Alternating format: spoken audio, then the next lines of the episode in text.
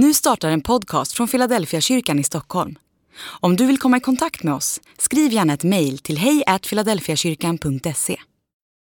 Dag 106 Pontius Pilatus Ibland tycker jag att Pilatus fått oförtjänt dåligt rykte.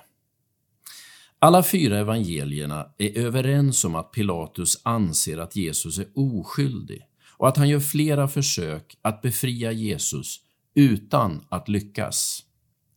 Efter det första förhöret meddelar Pilatus att han inte finner Jesus skyldig till det man anklagar honom för, men trycket från de judiska ledarna gör att han inte kan frige honom.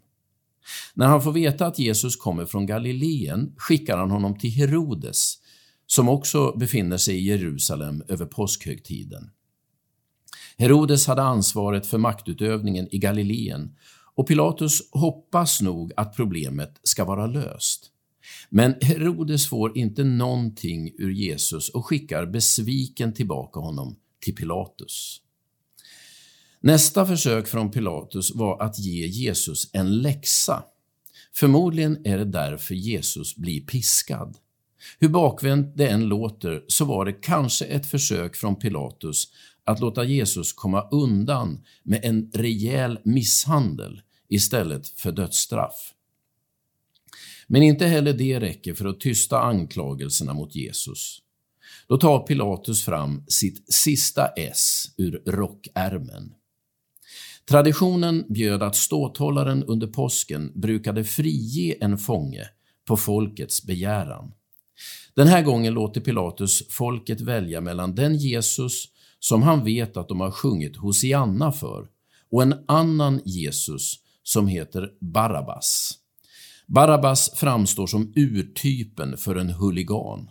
Han har skapat upplopp och till och med haft ihjäl folk.